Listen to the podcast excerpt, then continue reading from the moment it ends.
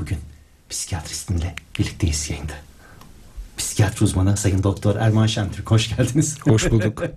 Diyeceksiniz gecenin bu saatinde ne diyor bu spiker? Estağfurullah. Sizinle tabii çok enteresan konulardan bahsedeceğiz. Şimdi psikiyatri ucu bucağı olmayan bir dal. Ee, yayın öncesinde konuşuyorduk.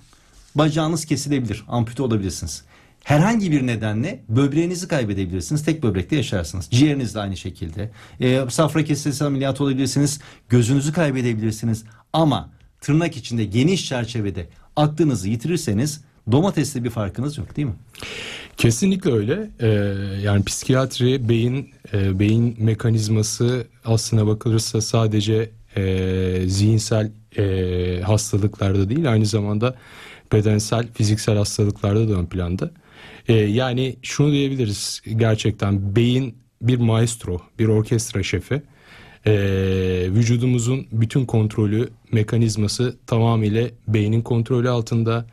Şayet beynimizde bazı aksaklıklar söz konusuysa bu zihinsel olarak ya da fiziksel olarak karşımıza çıkabiliyor. Tabii zihinsel olarak karşımıza bizim uzmanlık alanımız olduğu için zihinsel olarak karşımıza çıkan problemler de genel olarak çok böyle e, çetrefilli e, üzerinde düşünülmesi gereken ve ciddi tedavi gerektiren durumlar. Burada hastalar, hasta yakınlarının uyumları da çok önemli. Tabii onları da konuşuruz. Şimdi tabii şu ayrımı mutlaka yapmak gerekiyor. E, bilen dinleyenlerimiz vardır ama bilmeyenler için bir hatırlatalım. Hatta geniş çerçeveden bakalım. Psikolog kime denir? Psikiyatrist kime denir? Psikiyatristler e, tıp fakültesi mezunlarıdır. 6 senelik tıp eğitiminin üstüne e, 4 senelik psikiyatri ihtisası yapmak gerekiyor psikiyatrist olmak için. E, tıp dallarından bir tanesidir. E, bir branştır. Ortopedist gibi mesela. Aynen işte iç hastalıkları uzmanı, ortopedist, beyin cerrahi, nörolog, e, kulak burun boğaz uzmanı, e, fizik tedavi uzmanı. E, bunların hepsi tıp hekimleridir. Psikiyatristler de bu grupta bu grupta yer almaktadır. Ee, psikologlar ise Fen Edebiyat Fakültesi mezunları. Onların zannediyorum eğitimleri 4 ya da 5 sene. Ee, akabinde tabii onlar da e, yüksek lisans yapıp e, doktora yapıp klinik psikolog ünvanı e, alabiliyorlar, danışan görebiliyorlar. E, ortak olarak çalışıyoruz bir ekip olarak genellikle. E, bazen birlikte hasta aynı hastada e, birlikte yönetebildiğimiz hastalıklar da söz konusu oluyor. E, birbirimizle bazı sorunları paylaşıyoruz, paslaşıyoruz. E, genel olarak yani bir ekibin e, uyumlu olması gereken iki parçası gibiyiz. Diğer tıp uzmanlıklarıyla aslında sizin kesiştiğiniz çok fazla nokta var. Yani söz gelimi ampute olmuş, bacağı kesilmiş ya da bir şekilde tekerlekli sandalyeye mahkum kalmış birinin yaşadığı psikiyatrist son, sonuçta yani bir e, ortopedist bir ortopedistin bakacağı bir konu aslında başlangıçta ama size yönlenebiliyor ya da onkoloji hastası bir kanser hastası hayatının son aşamasında yaşadığı o sıkıntılar da gelebiliyor. Geriatri bilimi mesela yaşlılık biliminde yine sizinle buluşma söz konusu. Aslında siz evet. bütün dalların evet. bir şekilde başvurduğu ya da gittiği bir yol gibisiniz. Ya şöyle diyebiliriz. Gözünüzü açtığınız andan itibaren e, gözlerinizi kapattığınız ana kadar hayatınız boyunca psikiyatri aslına bakılırsa hayatın her alanında diyebiliriz. E, meslek fark etmeksizin, yaş fark, etse, fark etmeksizin, cinsiyet fark etmeksizin e, hepimizin e, bazı psikiyatrik problemleri, sorunları olabilir. Bunlar e, sadece hastalık düzeyinde de olmayabilir. E, bazı koşullara adaptasyonda zorluk çekebiliriz. İkili ilişkilerde problem yaşayabiliriz. E, yani hayatın her alanında e, hayatımıza dokunan bir branş psikiyatri. Bu yüzden keyifli açıkçası sevenler için. Ee, ama hastanelerde dediğiniz gibi e, cidden hani hastane ortamını sadece böyle e, girişim yapılan işte reçete yazılan e, hastaların yatıp çıktığı bir yer olarak değerlendirmemek lazım. E, hastanedeki insanların yatan hastasından tutun refakatçisine, ziyaretçisine, çalışan güvenlik personeline, hemşiresine, doktoruna, aşçısına kadar hepsinin e, çok ayrı e, manada üzerine düşen e, önemli sorumluluklar var ve hepsinin gerçekten e, bu dişlinin hepsi çok önemli bir parçası. Rahmetli dedem derdi ki insan öyle bir varlıktır ki kavga edecek kimseyi bulamayınca gömleğiyle kavga eder. Güzel sözmüş. evet yani hani insan sosyal bir varlık. Bir diğerine muhtaçtır her zaman.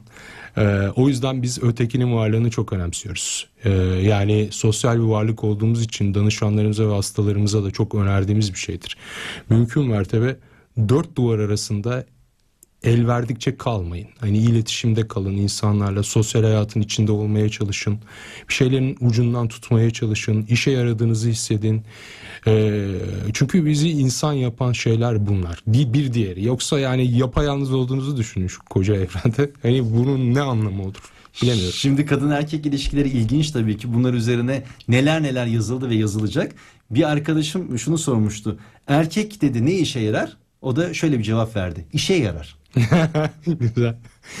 Yani tabii kadın erkek ilişkileri çok böyle e, üzerine saatlerce konuşulması gereken ve böyle çok da böyle gri zonların Evet. olduğu bir alan. O yüzden hani oraya çok fazla girmesem iyi Evet. olur. Ama şimdi erkeği tanımlamak için kadına, kadını tanımlamak için de erkeğe ihtiyaç var. Yani E, tabii zıtların birliği. Yani siyah beyaz hikayesi. Tabii ki tabii ki yani hani e, çok e, hem gündelik hayatımızda hem de e, klinikte çok fazla çiftlerle de e, karşılaşıyoruz. E, ama önemli olan insanların birbirini e, dinleyip anlaması, empati kurabilmesi, karşıdakinin varlığını hissedebilmesi bunlar çok kıymetli.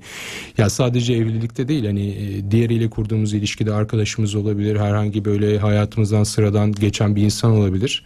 Karşıdaki insanı önce dinleyebilmek e, gerçekten çok kıymetli. Ama sonra yaparız boş verin Allah aşkına. Ne gerek var? Ya ya bugün olmazsa yarın olur. Ama yarının suyu mu çıktı diye düşünenler. Yani ertelemeciler. Acaba ertelemecilik bir e, sıkıntı mı yoksa zaman zaman olması gereken bir şey mi yoksa sadece tembellikten mi yapıyoruz? Çünkü TRT Haber'e e, internet sitesine verdiğiniz bir röportaj vardı. Oradan esinlenerek şey yapıyorum. E, bu e, erteleme meselesi nasıl çözeceğiz acaba? Şimdi erteleme ile ilgili e, tabii bu bir gerçekten var olan bir şey mi yoksa tembellik mi başlığı çok ilgi çekici bir başlık. E, bunu ben söylememiştim. Kendileri açıkçası koymuşlar ve güzel de bir başlık olmuş. E, şöyle diyebiliriz. Erteleme davranışın bir kere hayatta e, hemen hemen her insanın hayatında var olan bir davranış. Yani her biz erteleme davranışına e, bir bozukluk gözüyle bakamayız. Çözemeyeceğimizi düşündüğümüz zaman mı erteliyoruz? Nasıl olsa hallederiz, sonra hallederiz. Birazcık daha hazırlanayım. Belki o zaman çözerim. Şöyle söyleyeyim. İlk başta şunu demek daha doğru olur. Bu ne zaman bozukluk oluyor, ne zaman normal bir davranış? Bunun bir bozukluk olabilmesi için hayatınızdaki pek çok alana sirayet etmesi gerekiyor. Yani atıyorum okul hayatınız, e, aile hayatınız, iş hayatınız, sosyal hayatınız, özel hayatınız. Yani bunların pek çoğunda yaptığınız erteleme davranışları eğer işlevselliğinizi etkiliyorsa veya ikili ilişkilerinize ciddi manada zarar veriyorsa e, biz buna bir bozukluk gözüyle bakabiliriz. Peki e, bu ertelemecilik mesela şu boyuta gelirse söz gelimi e, ya yıkanırım nasıl olsa nasıl olsa yıkanırım deyip iki ay yıkanmamak. Ya evi toparlarım nasıl olsa deyip bir bakıyorsunuz ki beş ay sonra çöp evin içinde yaşıyorsunuz. Bu herhalde E, artık tabii hastalık ki bunlar patolojik. Şimdi erteleme davranışını biz aslına bakılırsa psikiyatrik bozuklukların içinde çok sık görüyoruz. Hani özellikle anksiyete bozukluğu ve dikkat eksikliği, hiperaktivite bozukluğunda eee, çok ciddi anlamda erteleme davranışı ön plandadır. İşte o çöp ev vesaire dediğiniz şeyde daha çok depresyonda eee, çok sık gözlemleniz ya da psikotik bozuklukların negatif belirtilerin ön planda olduğu hastalarda eee, gözlemlediğimiz e, problemler. Ee, yani şöyle diyebiliriz erteleme normal bir davranış dedik ama insanların yüzde yirmisi yaklaşık erteleme bozukluğuna sahip. Ve genel olarak hani belli başlı şeylerle günümüz modern insan daha fazla uğraşıyor ertelerken. Bunların arasında da en fazla yer alan şey sosyal medya uğraşısı oluyor genellikle. Ee, yani günümüzde insanların ortalama erteleme bozukluğu olan insanlar yaklaşık bir buçuk saatinin ortalama e, sosyal medyada geçtiğini işini yapmıyor. E, Sadece sosyal medyada daha sonra yaparım bakarım Evet. hayatımın Ö- akışına. Özellikle akışta kalmak. Yani sosyal medyanın o e, içerikleri de buna çok uygun. E, özellikle bu küçük kısa shorts videolar, e, işte kedi videoları, komik videolar vesaire. Kişilerin o an yapması gereken, yüzleşmesi gereken, kendisini zorlaması gereken esas sorumluluğundan vazgeçip bir nevi e, kendisini daha iyi hissettirebilecek o an e, o sorumluluktan zihnini e, kaçındırabilecek, kaçırabilecek bir şeyle uğraşmasına sebebiyet verebiliyor. E, ama önemli bir problem tabii ki dediğim gibi e, ikili ilişkilerimizi ve özellikle çalışma hayatımızı çok etkileyebiliyor. E, yani e, hiç erteleme davranışı olmayan bir bireyin e, uzun bir zaman sonra erteleme davranışı ortaya da çıkabilir. Yani bunun için net bir yaş aralığı veya bir cinsiyet farklılığı söz konusu değil baktığımız zaman ama temelinde yer alan birkaç şey var. Mesela e, bir kişinin mükemmeliyetçi kişiliğe sahip olması önemli bir erteleme sebebi. Yani bir şey yapacaksam tam yapmalıyım. Yapmayacaksam başlamamın bir anlamı yok. E, biz bunu erteleme bozukluğu olan bireylerde çok sık gözlemliyoruz. Başarısızlık kaygısı, korkusu çok fazla oluyor. Zaten erteleme bozukluğunun en fazla görüldüğü kişiler e, genellikle üniversite öğrencileridir. Yani akademik hayatta erteleme çok sık görülen bir şeydir. E, burada o başarısızlık kaygısı, korkusu çok ön planda oluyor. Yine böyle isteksizlik, motivasyon eksikliği çok önemli. Ee, ki ben bunu çok önemsiyorum. Çünkü e, e, öğrencilerin pek çoğu, e, çalışan günlük hayatta çalışma hayatında olan insanların e, çoğu e, açıkçası hani istedikleri bölümlerde, istedikleri işlerde çalışmıyorlar. Bu da baktığınız zaman e, ertelemeye sebebiyet verecek e, önemli problemlerden bir tanesi. Yine zaman yönetimini iyi yapamamak, erteleme bozukluğu olan bireylerdeki en önemli şeylerden bir tanesi de bu. Şöyle e, zaman yönetimiyle ilgili olarak şöyle bir hataya düşüyorlar genel olarak. E, normal bir zaman diliminde yapabilecekleri e, görevlerin çok daha fazlasını omuzlamaya çalışıyorlar. E, avuçların içerisinde böyle bir kar topu varken bu giderek büyük bir küreye dönüşmeye başlıyor. Yani yapamadıkça, erteleme yaptıkça işler birikiyor. Yapamadıkça daha fazla daha fazla birikim söz konusu oluyor. Ve kişinin normalde karşısında ufacık bir engel varken bu bir giderek bir dağa dönüşmeye başlıyor. Yani bir nevi böyle karşılıklı bir etkileşim bir kısır döngü söz konusu evet. açıkçası. O yüzden zaman yönetimini iyi yapmak, işleri parçalara bölmek, bir anda bütün her şeyle uğraşmak değil, peyderpey bitirmek, sıralamak çok önemli. Evet. Ee, ve gerçekten hani eğer bir yola başlayacaksanız sonucunun iyi olmasını umuyorsanız bu işin gerçekten sevdiğiniz motive sizi motive eden ve keyif aldığınız bir iş alması çok önemli. Ee, öbür türlüsü gerçekten erteleme davranışı, erteleme bozukluğu çok sık karşımıza çıkan bir durum oluyor ne yazık ki. Ee, genel olarak bunları söyleyebilirim. Bu ne ya bir dakika. Aa, nasıl bilmezsiniz? Sadece 20 tane üretildi. Hem Air France hem British Airways kullandı. Ama maalesef o talihsiz kaza sonrasında bir daha o muhteşem sesten hızlı giden karga burunlu uçağı göremedik. Concorde'dan bahsediyoruz. Ama biz havacılık programı yapmıyoruz ki. Burada bir psikiyatristle konuşuyoruz. Bağlayacağımız nokta Concorde yanılgısı. Nedir efendim bu? Bu çok enteresan bir kavram. Ee, öncelikle şunu söylemek daha doğru olur. Yani bir öz, özel isimden e, sizin de dediğiniz gibi e, kavram ismini alıyor. E, kısaca bilgi verecek olursam e, İkinci Dünya Savaşı'ndan sonra e, İngiltere ile Fransa e, süpersonik bir uçak e, yapmak e, için bilim adamlarını topluyorlar ve çok ciddi bir uğraşı çaba sarf ediliyor bunun için. E, nitekim başarılı da oluyorlar. E, fakat yaptıkları uçak daha dar gövdeli oluyor. Yani normal bir uçak daha fazla yolcu uçurabilecekken neredeyse yarı kapasiteli bir uçak olabiliyor Concorde uçakları. Aynı zamanda e, eşit mesafede uçtuğu diğer uçaklardan daha fazla yakıt e, tüketimi söz konusu oluyor. E, bütün bunlara rağmen teknolojisi için çok çaba sarf edildiği, çok ciddi miktarlar harcandığı için maddi anlamda e, bunun üretiminden vazgeçilmiyor. Yani çok kar getirmeyecek bir uçak aslına bakılırsa. Ve nitekim ne yazık ki iki, sanırım 2000, 2000 yılında olması evet, lazım. Air, Air France e, Concorde uçağı e, düşüyor ve yaklaşık 115 kişiye yakın e, yolcu hayatını kaybediyor. E, ve akabinde e, biz e, psikolojide e, Concord yanılgısı e, denilen bir tabirle karşılaşıyoruz. Bunu günümüzde insanlara uyarlayacak olursak yani hepimiz gündelik hayatta maddi manevi bir şeylere yatırım yapıyoruz. Ee, maddi olarak atıyorum e, bir ev almak için yıllarca uğraşıyoruz. Manevi olarak işte bir okul sınav kazanmak için e, ciddi çabalar sarf ediyoruz. Veya bir ilişkinin içerisindeyken o ilişkiyi devam ettirmek için çok umut ediyoruz. Yani e, doğal olarak insanoğlu bir şeye ne kadar yatırım yaparsa karşılığında o kadar almak ister hayatta. Fakat e, Concorde yanılgısında başta anlattığım gibi o Concorde uçaklarının aslına bakılsa çok karlı olmayacağını, sonunun iyi olmayacağını bilmelerine rağmen uçurmaları gibi insanoğlu da o yaptığı maddi yatırımın ya da manevi yatırımın e, ilişkisinin, okul hayatının çok iyi sonlanmayacağını, sonunda iyi bir iş getirmeyeceğini ya da ilişkisinin çok kötü biteceğini, ayrılıkla sonuçlanacağını ya da maddi olarak yaptığı yatırımın aslına bakılırsa bir fiyasko olduğunu içten içe bilmesine karşın bunu bir türlü sonlandıramaması, vazgeçememesi bu durumdan ve bunu sonuna kadar kovalaması bize Concord yanılgısı olarak karşımıza çıkıyor. Ee, önemli bir problem bakıldığı zaman e, gündelik psikiyatri pra, e, pratiğinde çok sık karşımıza çıkıyor. Mesela ilişkilere baktığımız zaman yıllar yılı süren evlilikler söz konusu. İşte çocuklar için devam ettik. Hani aslına bakılırsa çok mutlu değildik vesaire gibi e, çiftlerle karşılaşıyoruz. Hani çocuklar evden uçtuktan gittikten sonra çok yalnız ve mutsuz e, ebeveynler, yaşlı ebeveynler karşımıza çıkıyor.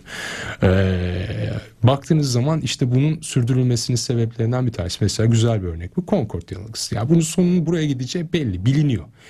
Ee, ya da hani mesela bir okul okuyorsunuz ee, çok da iyi bir bölüm değil ya da istediğiniz bir bölüm değil tam size göre bir bölüm değil ya da o bölümle ilgili iş imkanı çok fazla yok ama sonuna kadar ya madem okuduk bu kadar emek sarf ettik hani bu kadar dirsek çürüttük hadi bitirelim bari e, demek e, bu da bir Concord yanılgısı örneği bakıldığında.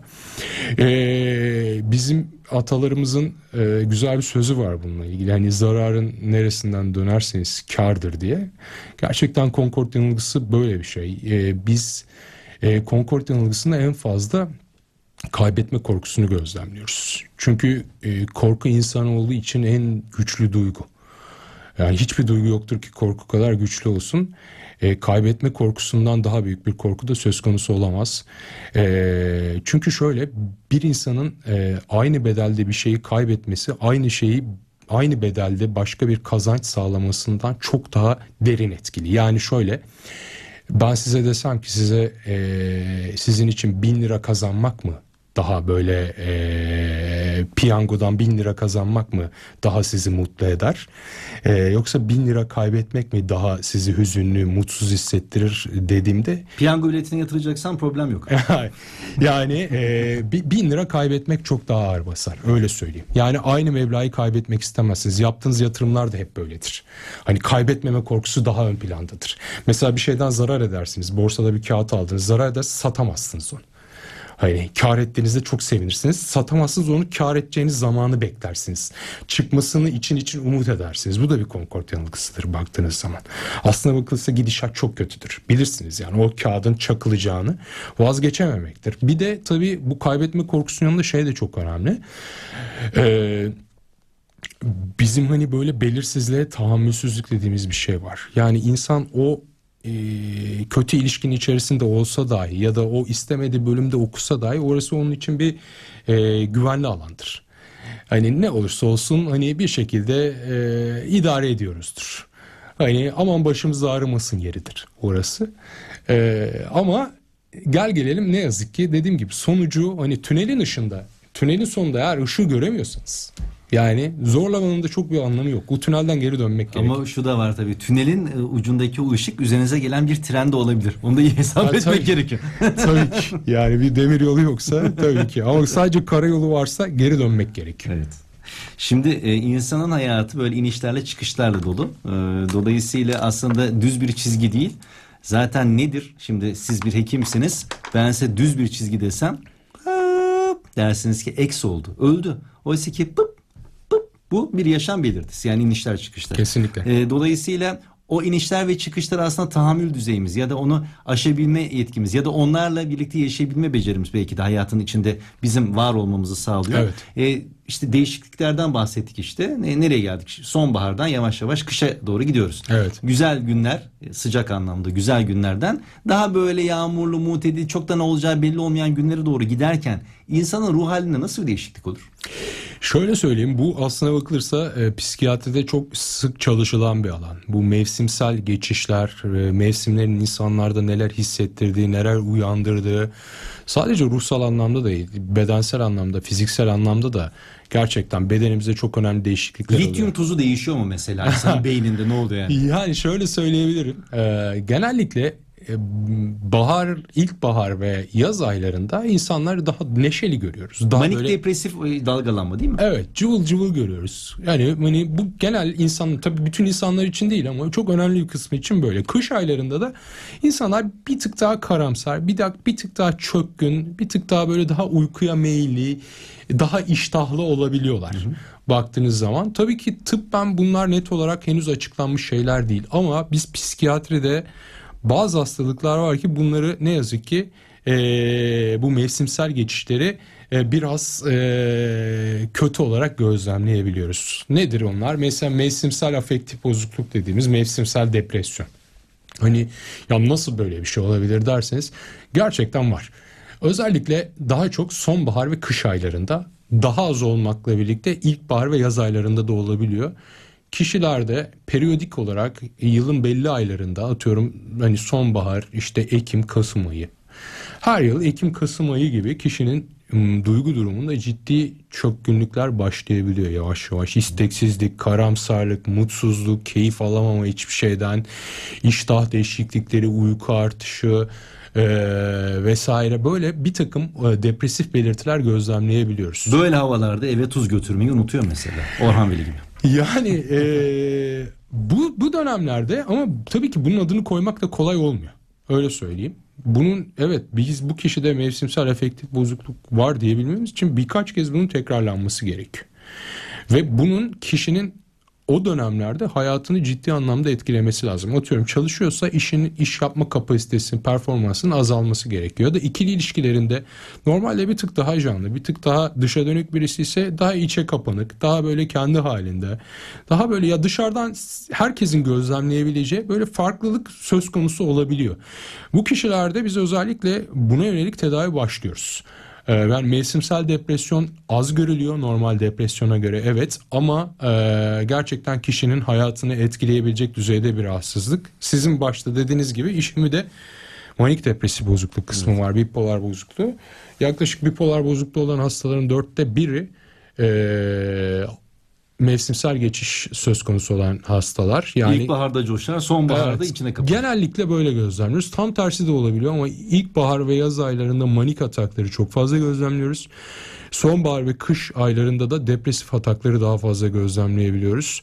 Ee, bunda tabii ki daha tıbben bizim şudur budur diyebileceğimiz net e, teoriler, daha doğrusu net e, ortaya kanıtlanmış e, bilimsel kanıtlar söz konusu değil ama daha çok böyle serotonin, melatonin gibi bazı nörotransmitterler dediğimiz beyindeki bazı kimyasalların eee, söz konusu olduğunu biliyoruz.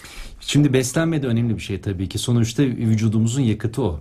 E, böyle özellikle mevsim e, dönümlerinde özel bir kür mesela yapmalı mı insan yoksa hep şu mudur? Hasta vardır, hastalık vardır. Şöyle diyebilirim. Tabii ki beslenme çok ayrı bir alan. Hani benim beslenme hakkında net olarak şöyle şudur budur diyebilmem çok e, doğru olmaz ama Beynimizi nasıl besleyelim o zaman hocam? Güzel, güzel. Şöyle diyebilirim. Yani beslenme ile ilgili eee, beslenme bozukluklarını psikiyatride çok sık gözlemliyoruz tabii ki. Eee, özellikle bazı bozukluklar var ki kişini ve ailesini çok zorluyor. Eee, fakat normal gündelik hayatımızda bu hastalıklarla hiç muzdarip olmayan bireyler için konuşacak olursak beslenme düzenini en az uyku düzeni kadar ben önemsiyorum. Bir insanın gerçekten sağlıklı gıdaya erişmesi, ulaşması çok önemli bir şey. Ama sağlıklı gıdaların her birinden de sadece fiziksel e, durumlar için değil aynı zamanda ruhsal sağlığı için de dengeli beslenmesi çok kıymetli. E, bizim bununla ilgili geçen yıl yaptığımız çok geniş çaplı bir çalışma vardı. E, bitkisel beslenen bireylerde vejetaryen ve veya vegan beslenen e, bireylerle biz e, hayvansal kaynaklı beslenen e, daha doğrusu hepçil dediğimiz hem hayvansal hem bitkisel kaynaklı beslenen bireyleri karşılaştırmıştık. Mesela çok enteresan bir sonuca e, eriştik orada. Bitkisel kaynaklı yani vejetaryen ya da vegan beslenen insanların e, depresyon skorlarının daha düşük olduğunu, anksiyete skorlarının daha düşük olduğunu ve bu kişilerin bedenleriyle daha barışık olduklarını gözlemledik. Ee, bu çok önemli bir veri. Literatürde çok fazla çalışılmaya başladı bu arada bu. Yani beslenme ile ruh sağlığı ilişkisi arasında çok önemli çalışmalar yapılmaya başladı. Ee, siz de gözlemliyorsunuzdur. Bazen çevrenizde insanlar böyle stresli dönemlerinde, sıkıntıları dönemlerinde masada ne varsa yiyen insanlar vardır. Ya da kontrolsüz şekilde yani farkında bile değildir. Dürtüsel bir şekilde o el oraya gidip gelir. Yer. Veya bazı insanlar vardır. Hani böyle e, ortada herhangi bir stresör faktör olsun ya da olmasın e, tamamen böyle kontrolsüz yeme atakları vardır. Yani hani daha biraz önce yemek yemiştir fakat yemeye devam eder. Yani gece yeme bozuklukları vardır. Tıkınırcasına Buzdolabına kamp var. kuranlar. Evet. Ee, ya da kısıtlayıcı yeme bozuklukları var. İşte anoreksiya nervoza gibi. Son dönemlerde sağlıklı beslenme takıntısı dediğimiz ortoreksiya nervoza var. Yani beslenme insan hayatında gerçekten ruh sağlığı anlamında çok önemli. Ama şunu diyebilirim ki en önemli şey düzenli ve dengeli beslenmek ee, ve e, sağlıklı beslenmek için gerçekten zaman harcayabilmek. Ee, peki ruhumuzu dinlendirmek, kendimize belki kavuşmak, kendimizi anlayabilmek için meditasyon gibi başka böyle tedavi yöntemleri, alternatif tedaviler olabilir mi? Bunu e, mesela nasıl görüyor acaba e, pozitif bilimle ulaşan tıp e, kısmı? Şöyle söyleyeyim hani tamamlayıcı tıp uygulamaları var. Ee, uzak doğuyla bazı uzak doğuda geçmişte çok böyle geleneksel tıp yöntemleri olup günümüzde de geçerliliğini koruyan bazı yöntemler var. Meditasyon da bunlar arasında. Tabii ki doğrudan şunu diyemeyiz. Yani meditasyon işte kişiyi depresyondan, anksiyete bozukluğundan veya diğer psikiyatrik bozukluklardan e, tamamıyla uzak tutar, koruyucudur ya da depresyonda olan bir bireyin e, meditasyon yapması depresyonun gerilemesine, zayıflamasına sebebiyet verebilir. Bunlar çok iddialı olur açıkçası. Ama meditasyon yapan bireylerde genel gözlediğim, gözlemlediğimiz bir şey yani kişinin o içsel dengesi, homeostazi dediğimiz sempatik ve parasempatik sistemde o parasempatik o yavaşlatıcı sistemi daha e, aktive edebildikleri, daha dingin, daha sakin, olaylara karşı daha böyle e, soğukkanlıkları yaklaşabildikleri, problemlerin daha farkında olabildikleri, problemlere yaklaşımlarının çok daha e, sağlıklı olabildiği. Yani şunu dememiz daha doğru olur. E, yani meditasyon gerçekten özellikle ikili ilişkiler anlamında insanları e, gündelik hayatta yaşayacakları problemlere karşı bir nevi hazırlayabiliyor. Ama doğrudan hani medikal anlamda meditasyon işte kesinlikle şu tedaviye iyi gelir ya da şurada e, önerilen bir yöntemdir diyemeyiz. En can alıcı soruyu sona sakladım. Hazır mısınız sayın doktor? Hazırız. Evet. Latince bir ifade. Bunu bir hekimin e, duvarında görmüştüm. Çok hoşuma gitmişti. Anlamını sordum. Şöyle bir şey. Medice, curate ipsum. Anlamı. Hekim, git ilk önce kendini iyi et.